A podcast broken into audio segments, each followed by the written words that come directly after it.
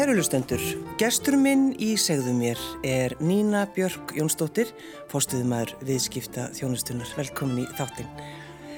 Af hverju gatt Vilhelmína Lever kosið í kostningum 1863? Já, hún hérna var merkileg kona. Hún var það sem að kallaðist verslunar borgarinna í, í skjölum og hérna var svona efnu kona, ræk verslun og, og hérna svona bauð á veitingar líka í, á Akureyri. Og það voru kostningar hérna sagt, 1863 og, og það var ný reglugerð og Akureyri er búin að fá köpstæðréttindi þannig að hún fer og er mér að segja fyrst til þess að kjósa því hún er, hún er fyrsta nafnið í kjörbókinni að það kemur fram sagt, hverja hún kaus. En hún fór þarna á kaus, þess að 19 árum áður en að konur fengu þennan kostningarétt að, að kjósa e, til í, strepsnemnd, síslunemnd og bæjarstjórn. Mm. Og það, því hefur verið haldið fram að kannski hafi þetta verið út af bári dönsku kunnáttu kostningastjórnarinnar á Akureyri að því að sagt, þetta er reglugjær sem er þýtt úr dönsku og það segir að fullmynduðir menn geti kosið og sem borgi ákveð mikið í, í, í bæjarsjóð og svo framvis og hún... Sem hún gerði það eða? Já, hún gerði það því hún er svona vel efnu kona og hún, hérna, það lítið á það þannig að hún sé maður að því á íslenskur konur líka menn en þetta var svo þýðing á danskri reglugjörð og í henni stendur menn sem er á dansku þýðir menn, bara kallmenn en já, ekki konur. Að, en hún allavega kaus þarna 19 árum áður en að konur fengu þannig rétt og gerði það reyndar aftur í næstu kostningum Þannig að hún hefur svona, já, verið svolítið ákveðin. Já, ég held það. Algjörlega, verið með bein í nefinu og, og, og, og líka bara að vera sérstaklega að reyka þarna vera í business á Akureyri á þessum tíma að reyka, reyka hérna, hún var svona verðt, mm. var með svona kaffihús eða, eða svona veitingaþjónustu. Nína, hvernig uh, elum aður upp Íslandinga í útlandum? Já, það er, það er stort verkefni, að því að hann oft sagt að börn bara, bara í sjúi í sig tungumál eins og svampur og, allt þetta en ég sem sagt flutti eh, til Íslands aftur í síðasta sumar eftir að hafa verið með börnum mín úti í sjö ár var fjögur ár í París og þrjú ár í Genf ég er að vinna í utryggsstjónustunni og, uh, og það og maður þarf bara að vera rosalega duglegur að lesa fyrir þau tala við þau og útskýra. Og ég hérna sagt, flutti heim með börnum mín síðasta sumar og þeim hefur gengið bara mjög vel að fóta sig á Íslandi. Eins og pappið er ennskur þannig að þetta var líka þegar heimilinu var töluð ennska og nema bara ég sem talaði íslensku. Þannig að ég var á fullu alltaf að lesa og og horfa með þeim á sjómasefni og kaupa divaftítiska og, og allt þetta. Og, og hérna... Hafður þú sko áhugir að því að, að þau myndu bara ekki tafa áhuga að tala íslensku því þið bygguð úti? Já, við náttúrulega þegar við flytjum út þá er, er, er, er strákunum minn henni þá fjögrara og, og dótturinn í fætt, hún er eins ás. Um, en ég held að það hefði verið mjög gott að hann var þá byrjar að tala íslensku. Þú veist að, að ég held að það hefði verið allt öðruvís að vera eini íslenskumælandi hérna, svona, eina, eina íslenskumælandi manneskan í kringum þau mm -hmm. úti.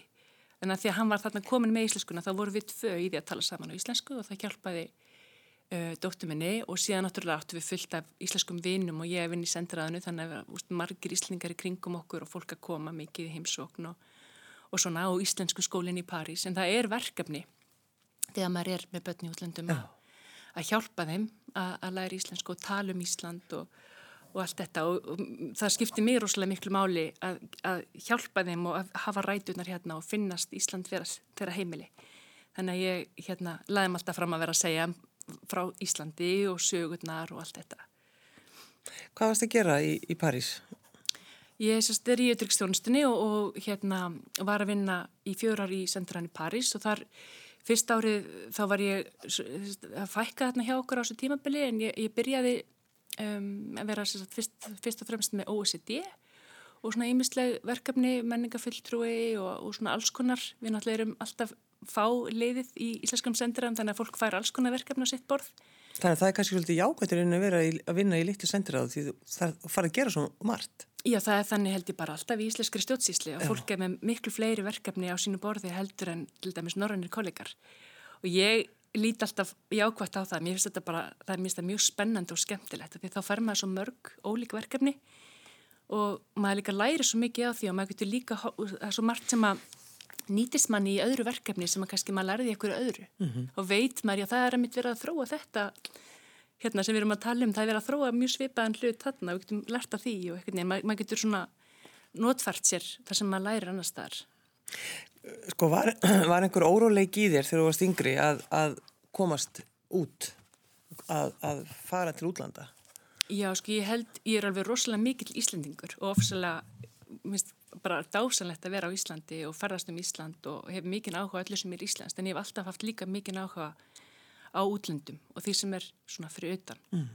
Og ég held, ég veit ekki hvort að, hvort að tengist í sko, en, en hérna langama mín var dönsk og hún var af hérna komin að flóttafólki, hún var sagt, af frönsku flóttafólki, húkinóttum sem að flúðu, frá, flúðu Frakland sagt, í tróbræðastriðunum þegar sagt, hérna þegar kongurinn gaf út að, að hérna, bara það mætti ekki vera mótmælenda trúar í Fraklandi og þá sérstu fóru mótmælendur offsóttir, við vorum kalvinistar og húkunottar mm. og, og hérna þannig að mínu forfeður sérstu fóru frá Fraklandi fyrst til Sviss og þaðan til Berlínar eða Brandenborg og síðan var sérstu danski kongurinn bauð 200 uh, flottamennum hæli í Danmörku. Og þeir settust á Jólandi og þetta var bara sérstu innan svona borgarmúra þarna byggu þessir, þessir fransku mótmælendur um, og alveg í 200 ár voru þeir mjög aðskildir frá dönsku samfélagi. Þannig að þetta orðin svo franskbröð það kemur úr frá þessum tíma. Og þeir fluttu með sér tópaksrækt til dæmis en að danska tópaki er, kemur frá þessi fólki. Og af því að þið voru flóttamenn að þá heldur þér svo vel upp á sitt ættartré þannig að ég á alveg ættartríð mitt sem að bara síni sko ef ég fyrir beinan hérna, kartlegg langumum minnar þá bara fyr, er ákveð þorp í Freklandi sem að, sérst, í, hérna, hér, rétti á Grunóbl, þannig sem hún kom. Og það hefur ekki alltaf verið rosalega mikil sögu áhug í minni fjölskyldu og mikið verið að tala um og spekulara um þetta fólk. Mm. Þannig að mikið af mínu frændfólki er búin að vera að stúdera alls konar fólki þessu ættatrið og búa til eitthvað að sjóður ætli þessi hafa nú verið rosa mikið svona og hins einn og að til dæmis einn ítali sem fekk að gifta þarna inn í, inn í þessa húkunáta fjölskyldu þarna í Jótlandi og, og, og það er alveg spekulasjónur um að hann hafi verið í hér Napoleons og hann hafi stólið einhverju silfri og hann hafi þurft að flýja og þetta er allt bara eitthvað sem fólk hefur búið til. En skiptir það, skiptir það þið máli mitt að vita þessa hluti? Já, miklu, já. Og mér finnst bara svo bara hefur alltaf vakið svo mikla forvitna mína. Ja. þannig að ég held að þetta sé kannski að ég er búin að setja svo mikið og hlusta sérst á ömmu mína og bræður hennar tala um þetta. Þannig að ég held að, að það hefur svolítið bara svona líka bara, já, vakið áhuga minna á umheiminum og, og líka svona, mér fannst þetta svo exotíst og spennandi. Og þú varst að byrja að fara að segja eitthvað Nína, þú fóruð í eitthvað ferðalega að skoða Já, við við, já þetta er sérst og 86 bræður og, og hérna og þegar ég var lítil þá fór ég alltaf í hátilsmann hjá ömmu minni og hlustaði á hana og bræðurinnar tala um, um, um þetta. Og við afkvörmyndinir hefum mikið áhugaðu svolítið saman líka. Við fórum sérst í ferðarlag árið 2004 held ég að 5 eitthvað svo leiðis og þá fórum við í rútu og bara kerðum að milli hérna þessara þorpa og mættum bara heil rúta af Íslandingum í einhver pínlítil þorp til að byrja með við skoða kirkjuna og hvað er kirkjugarðurinn? Og reyndum að finna einhverja hérna, einhver svona merki um okkar forfeyður og til dæmis í þessum bæ sem ég nefndi sem heitir La Motte-Chalancon er í dróm hér aði að þar hérna á bæjarskristónum og þá fengum við að sjá hérna bækurnar sem að fæðingar og döðsfellir skráð og fundum þessa forföður okkar þar. Var það? Þannig að, já. Hvernig var svo tilfinning? Það var bara dásamlegt. Það er eitthvað svo, að svo, að svo gaman að, að sjá eitthvað haldbært um fólk sem er farið og sérstaklega þegar tengis manni sjálfum. Það var eitthvað neginn að sjá bara þarna skrifað fyrir 400 árum nafn í bók og það er ennþá til og þetta er kona sem að síðan eða maður eignaði spötn og flytti og lifði og allt þetta og eitthvað neginn svo er við komin að því að við erum öll náttúrulega bara röð tilvílena að fólk heitist og eignast bönn og, og allt þetta. Allt þetta þarf að gerast þess að við fæðumst. Þannig að hérna, en það er eitthvað, já, það er ótrúlega, ótrúlega magnað. Og er ekki tissa á bæjarskriðstofunni að, að þið heimtuðu að kíkja í kirkibækunar? Jú, þeim, jú, þeim, þeim fannst þetta mjög skemmtilegt mm. og, og hérna, og já, já, og, og konan sem að stýrði hérna söpnuðinu var voðalega upp með sér að fá hérna alveg heilan sko hópa af Íslandingum að skoða kirkina og fannst þetta mjög merkilegt. Já. Svo er enda mjög fyndin saga sko því ég var að vinna í sendiræðinu mörgum mánu setna að þá er haft samband að því ég skildi þess að nafnspjaldi mitt eftir og unnur Úlfarsdóttir frænga mín líka. Og mörgum ára setna þegar ég vinn í sendirannu þá hefur presturinn úr þessum söpnuði samband við sendiráð Íslands í Paris og sér já ég er að leita hérna með langast og komast í sambandi fólk sem að heimsóti kirkun okkar fyrir nokkur um árum og hér eru nafnspildin þeirra og þetta er sérstaklega sendt í sendiræðið og, og, og samstagskona mín svar og segja hún er reyndar að vinna hérna. Þannig að Hún er hérna í næsta herbyggi Já, einmitt. Hún verður ekki íslenskara. Já, einmitt, nákvæmlega. Og hvað, af hverju vildi hann ná, ná sambandi við Nína Björg? Já, hann hafði á, hann var að gera svona um, síningu um fólk sem að fór frá þessu þorpi. Þannig að hann var með fólk sem hafði endað í Suður Afríku bandaríkjunum og, og þetta var sérst á íslenska greinin mm. sem að hérna bara ólíkt fólk sem hafði flúið að þetta var rosalega mikil blóttaka fyrir Frakland að þeir mistu þarna heilmikið af fólki og líka því að trú, fólk sem er mótmælenda trúar trúir því að það komist inn í heimnaríki í gegnum það að vera djúlegt að vinna og svona. Þannig að hérna það var rosa mikil blóttaka fyrir frakka. Þeir mistu fylgta fólki úr hernum og fylgta fólki sem að kannski gerði, var í hattagerði eða nappagerð mm alls konar yðingreinum og Berlín að það var svo mikið fólki sem fór þángað en eftir 100 ára stríði hafi verið svo mikið hérna, mikið að tómum sveitabæjum og bara vantæði fólk til að vinna. Og þannig að fólki, fólk fór þángað og það var Berlín kölluð hérna litla París. Þess að því að þar það var mikil, sagt, mikil vöxtur í alls konar yðingreinum sem hefði áður verið bara franskar. Mm. Þetta er ótrúlegt. Þannig að þú, eins og ég spyr, spurði þig, sko, þessi óróleiki í þér, eh, það hlýtur að vera ef þú ætlar að sækist eftir að verða fríðargæsluliði á Balkanskaganum. Þá er einhver, það er eitthvað, Nína. Já, ég hef alltaf verið svolítil æfintýramanniski og fyndist svona brekirnin, já, séð alls konar tækifæri og, og fyndist margt spennandi. Og ég mann það var auðlýst sem sagt, þegar ég var að vinna á morgumblæðinu það var auglýst hérna, um, stöður hjá friðagjastlinni, íslensku friðagjastlinni og, og hérna, ég sótti um og fekk séðan bara símtal, ertu, ertu til ég að fara til Skopje eftir þrjár vikur og, og hérna, vinna í Makedóniu og ég sagði bara já, þurfti ekkert að hugsa mér mikið um en ég held ég kannski að hugsa mér mjög einn dag eða eitthvað en þannig ég, ég fór á staðþangað og þetta var sérstaklega fyrsta uh, friðagjastlu uh, aðgerð Evrópusambassins og það voru lönd, önnur lönd fyrir utan Európa-sambandi sem fengu eða sem tóku þátt. Það voru sagt, bæði Ísland og Noregur og Sviss og svo er líka Kanada og, og fleiri ríki, þetta var í fyrsta skipti líka sem að NATO og Európa-sambandi voru að vinna saman. Það var svona svolítið kannski prófurinn á, á samstarfum að deila upplýsingum og, og vinna saman og, og samræma. Og þetta var sérst eftir að átökunum hérna í Magadóníu laug árið 2003 og að framfylgja fríðarsamkommulagi og þessi, þessari missjón var stýrt af hérna franska hernum. Og yfirmæður minn var í fransku útlendingaherrleldinni og var sérst yfirmæður í fransku útlendingaherrleldinni og hann hefur nú, við verðum alveg rosalega góður vinnir, það var svo áhugavert að, að fara og vinna með öllum þessum hermunum að því mín ímynd af hernum hafi bara verið eitthvað gegnum bandarinska bíamyndir og svo bara sér maður þetta er bara vennilegi menn. Það kom mér óvart á þeim tíma, ég var 28 ára bara ekkert neina að sjá að herin var allt annað heldur en heldur að maður held svona úr bíómyndum og hérna og hann grínast nú oft mikið með það að hérna að þegar hann frétti fyrst að væri að koma ég var sérst svona blada fulltrúi á, í þessari missjón og var að hjálpa til við bæðið að taka móti erlendum fréttamönnum fara með þau á átakasveið og hitta fólk sem var úti í feltinu mm. og líka undurbúa sérst vikulega fjölmjölafundi til að segja frá því hvað var að gerast og, og, og síðan að út, útbúa frétta yfirlit að fylgjast með fjölmjöljum í landinu bara hvað var að gerast í landinu og senda þær þessu svona greiningar til, til Brussel og, og víðar og til allra sem að voru í landinu. En hérna, hann var nú svolítið að grínast með þessi yfirmæði minn að já, fyrst er ég sá að veri Íslendingur að koma í mitt heimi þarna, það var ekki bara að bytja Íslendingur. Það er enginn hér það, þetta hlýtur að vera borgarlegur, borgarlegur starfsmæðar, bara hvað? Hvað er nú verið að senda með borgarlegan starfsmenn?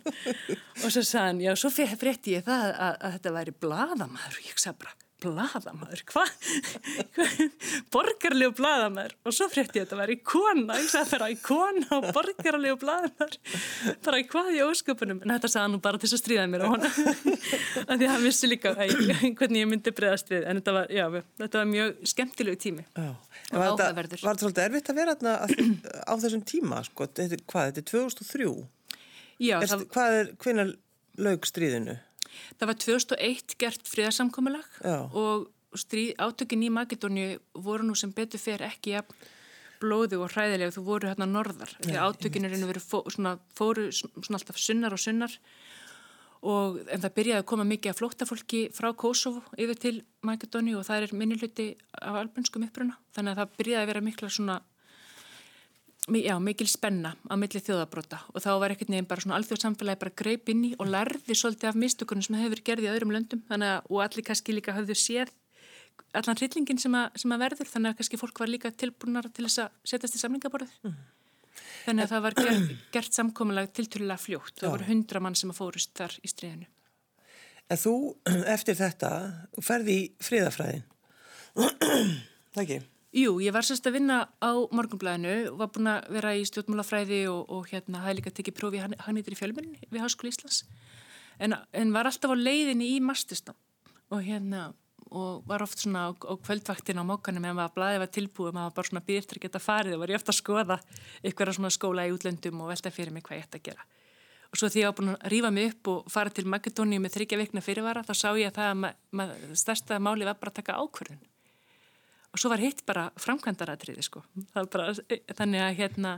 Er það ekki svolítið bara þannig með eiginlega allt? Jú. Þegar maður tekur þessi ákvörðin? Já, nákvæmlega. Þannig ég ákvað bara okkur, nú er ég búin að rífa mig upp og, og fara í, í fríðagæsli og komin heim eftir nýju mánu og nú bara tíminn til að fara og menta mig.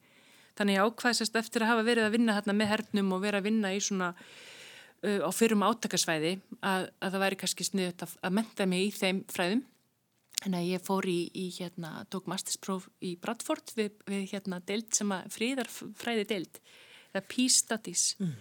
sem að hérna, og þetta er el, elsta svona fríðarfræði deildin í, í Breitlandi og, og það, í Bradford er sagt, bæði mikið af indverjum og mikið af Pakistanum, innflytendum frá þessu svæði, þannig að það hafa oft verið átök í, í sér borg eða svona deilur, þannig að það er kannski svona ástæði fyrir þetta sprettur upp þarna og þarna var sagt, verið að kenna okkur alls konar bæði um lausn deilumála, um, um fríðaviðræður og, og svo leiðis sluti mm. og líka bara hvernig hjálpa maður samfélagum eftir stríð, til dæmis bara við að fjarlæga vopn og, og hjálpa fólki að menta sig eða taka fólk sem er kannski búið að vera í stríði í mörg ár og minna svo kannski oft svo ræðilegt að börnir eru tekin og, og látin vera hermenn og hvernig hjálpa maður þeim sem er náttúrulega svakalett verkefni. Og svona ræða og lærum alls konar svoleiðis málefni. Mm. og, og ég var svona að fókusera svona aðla á alþjóðastóttmál og örgismál þannig ég gerði lokareitkinni mín um NATO. Og hérna og var síðan á leðinu til Afganistan. Var búin að ráða mig sagt, að fara aftur því ég var útskrifast. Var búin að ráða mig að fara til Afganistan í freðgæsli en þá hérna var akkurat auglist í ödryggsandunu störf og ég sóttum og, og var sem bóðið að, að, bóðin vinna og fór þá að rauðarástíðin í staðins að til Afganistan. En hérna Sér það eftir því?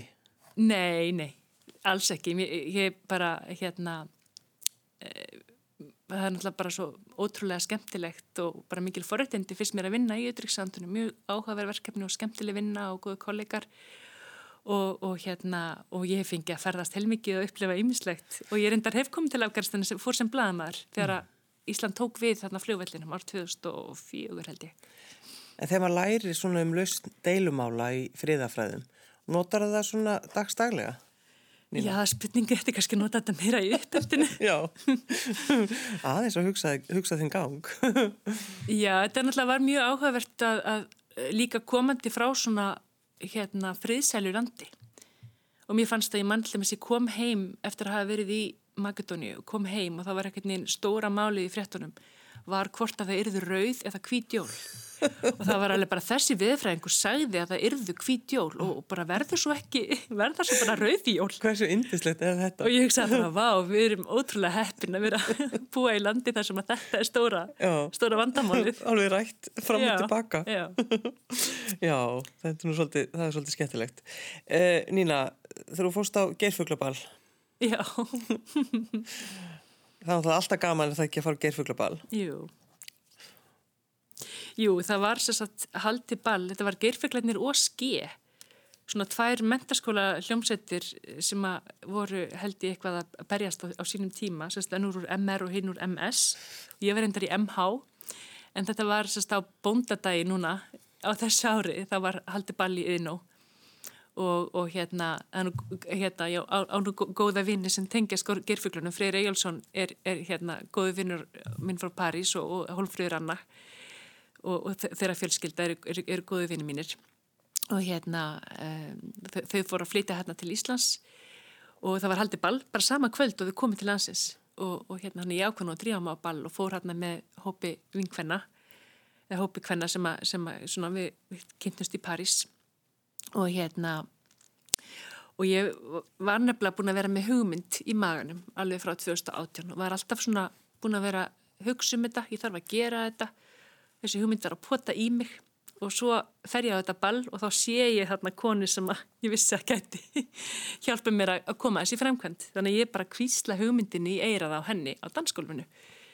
Og svo bara var hún tilbúin að framkama þessa hugmynd með mér og þetta er svo að hugmyndin er þegar ég var úti í Genf ár 2018 með krakkana mína og að segja þeim frá Íslandi eins og svo oftaður og hérna var að segja um frá landnámi Íslands og segja um söguna um Ingolf Arnarsson og Hallvegu og, og Hrafnaflóka og allt þetta og Garðar og, og svona segja um þessa sögur þá hugsa ég alltaf bara já það vantar hérna einhverja bók þar sem að saga hvenna er sögð.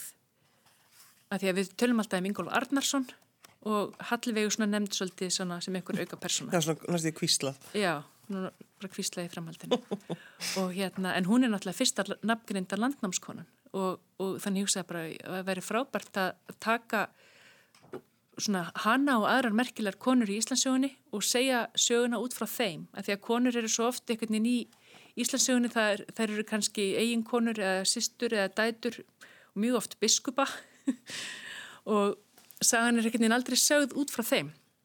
Þannig að, að hérna, ég fekk þess að hugmynd að, að búa til barnabók til þess að lifta þessum konum.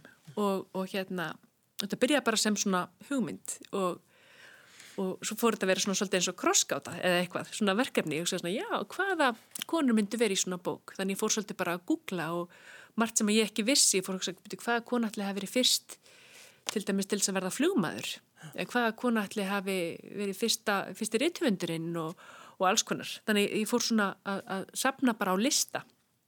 Og svo fór ég áfram að dunda með vita því ég nú alltaf haft gaman eða að skrifa og, og bara frá því ég var lítil verið að hérna, skrifa ymmislegt og, og hérna en ég fór svona að prófa, prófa hvernig myndi svona texti um svona konu í Íslasjóni líta út. Þannig ég fór svona að leika mig með þetta. Og svo satt þetta bara á hakanum í mörg ár. Þegar ég var að flytja frá Íslandi og ég var að koma með fyrir með krakkana mína á Íslandi og, og þetta allt saman, þetta svona bara satt á hakanum en var alltaf að poti í mig. Mm.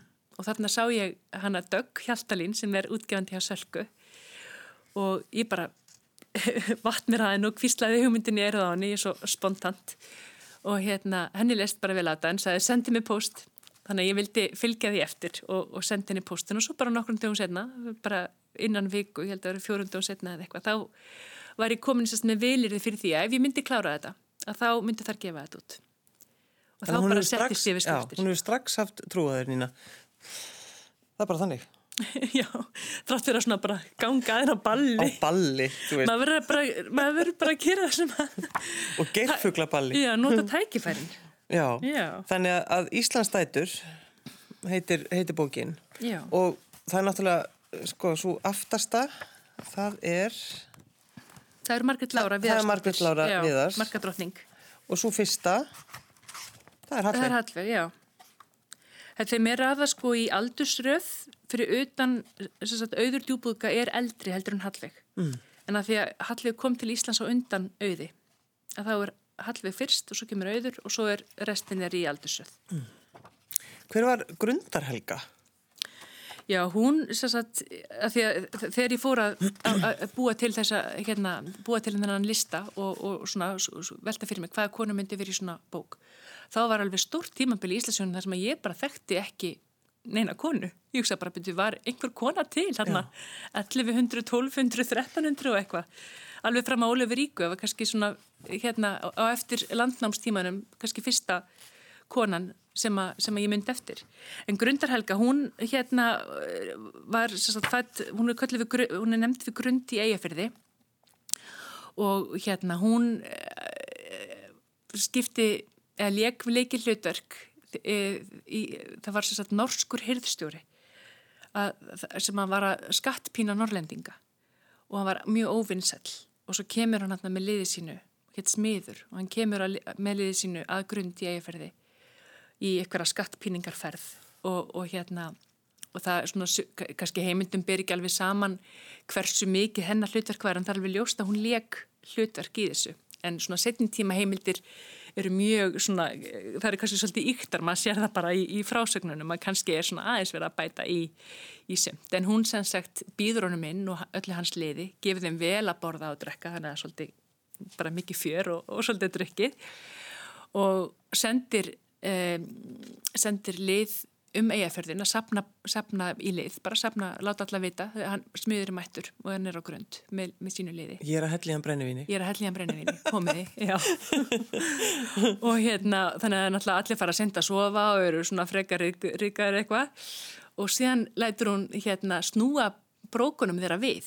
Þannig að einn skálminn er út og hinn vennileg. Þannig að hérna, það tekur náttúrulega lengri tíma að klæða sér í þannig buksur. Já og ekki mjög gaman að vera brúkarlis að berjast sko, þannig að hérna svona til þess að tefja það og, eh, og síðan sagt, kemur hérna lið og gerir árása morninum og, og hérna og lið smiðis verður undir.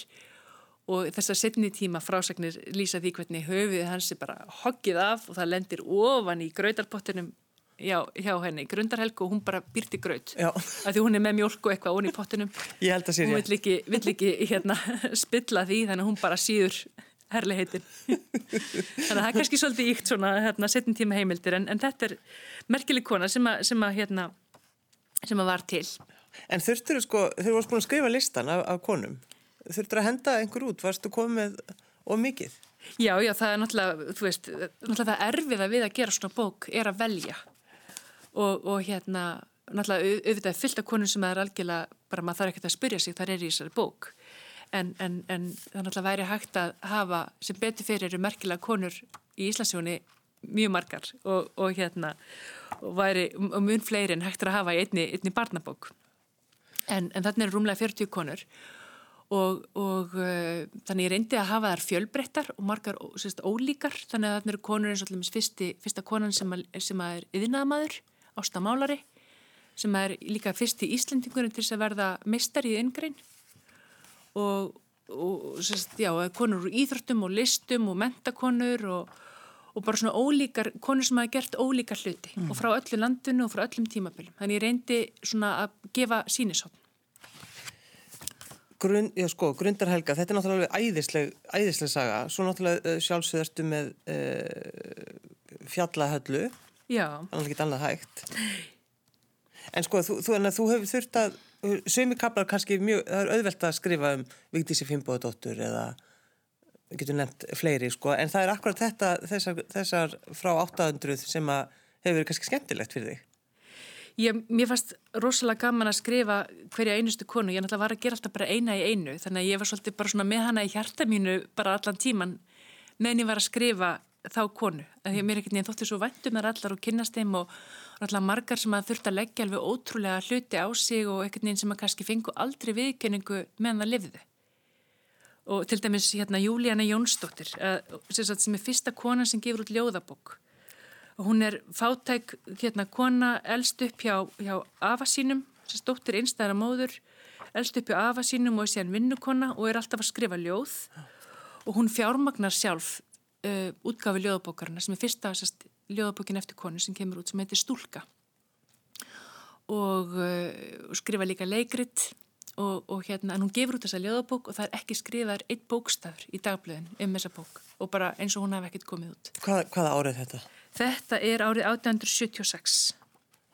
Hún er sérst fáttak vinnukonna og, og gerir þetta svo ótrúlega einhvern veginn mikið mikil áræðinni og, og, og líka minnst fyrsta ljóðið, við getum bara lesið það, fyrsta Já. ljóðið í bókinni að minnst að segja líka svo mikið, hún er svona feiminn einhvern veginn svolítið að hérna hviða sér hljóðs og svona vonandi viljið hlusta á mig en hér er ég.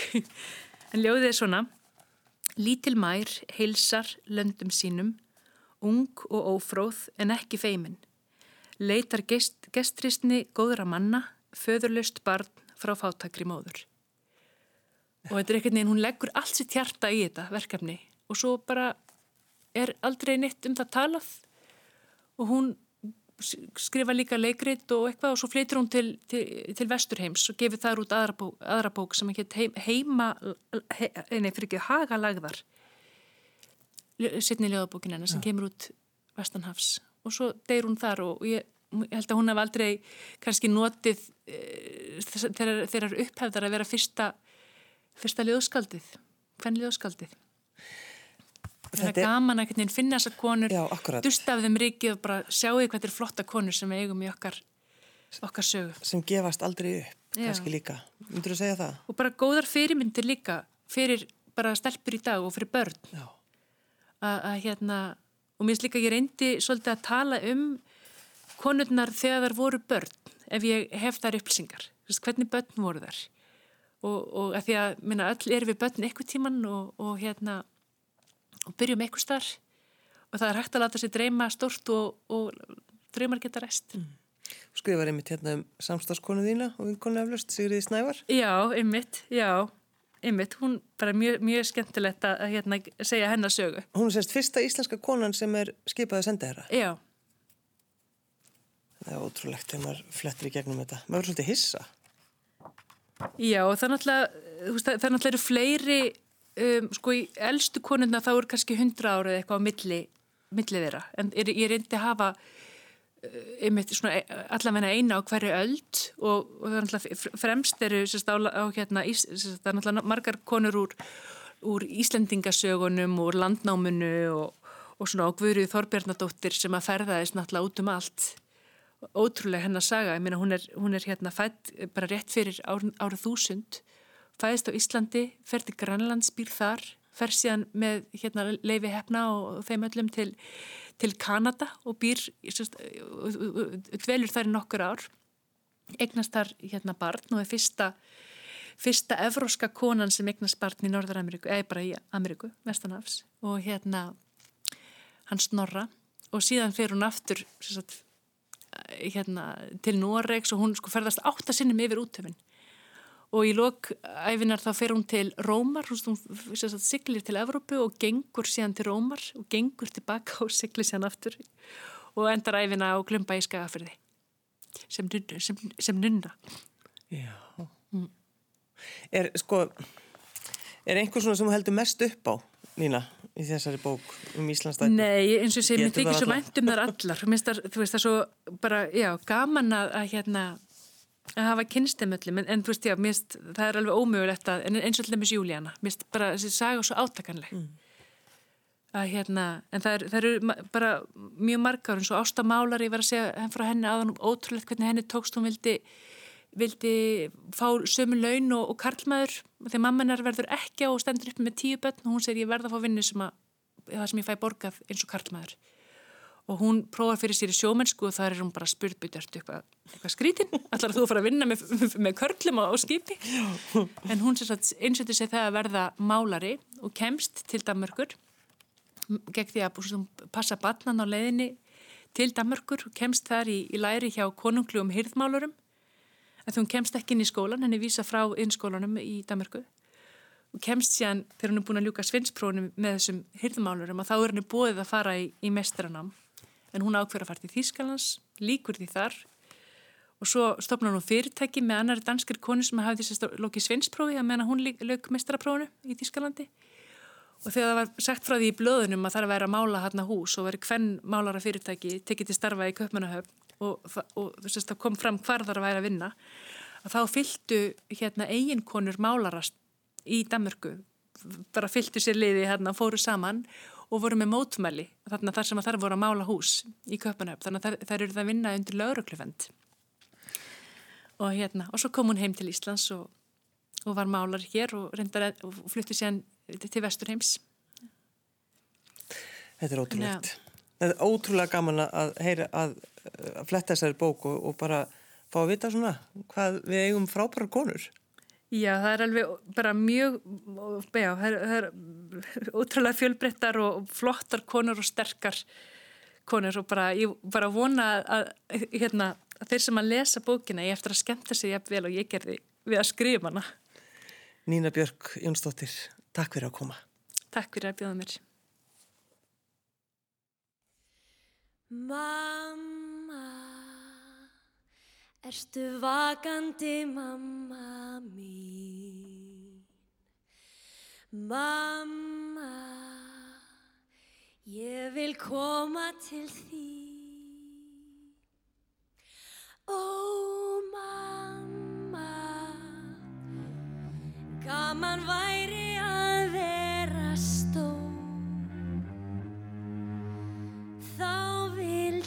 stjórna bæði hljómsveit og kór.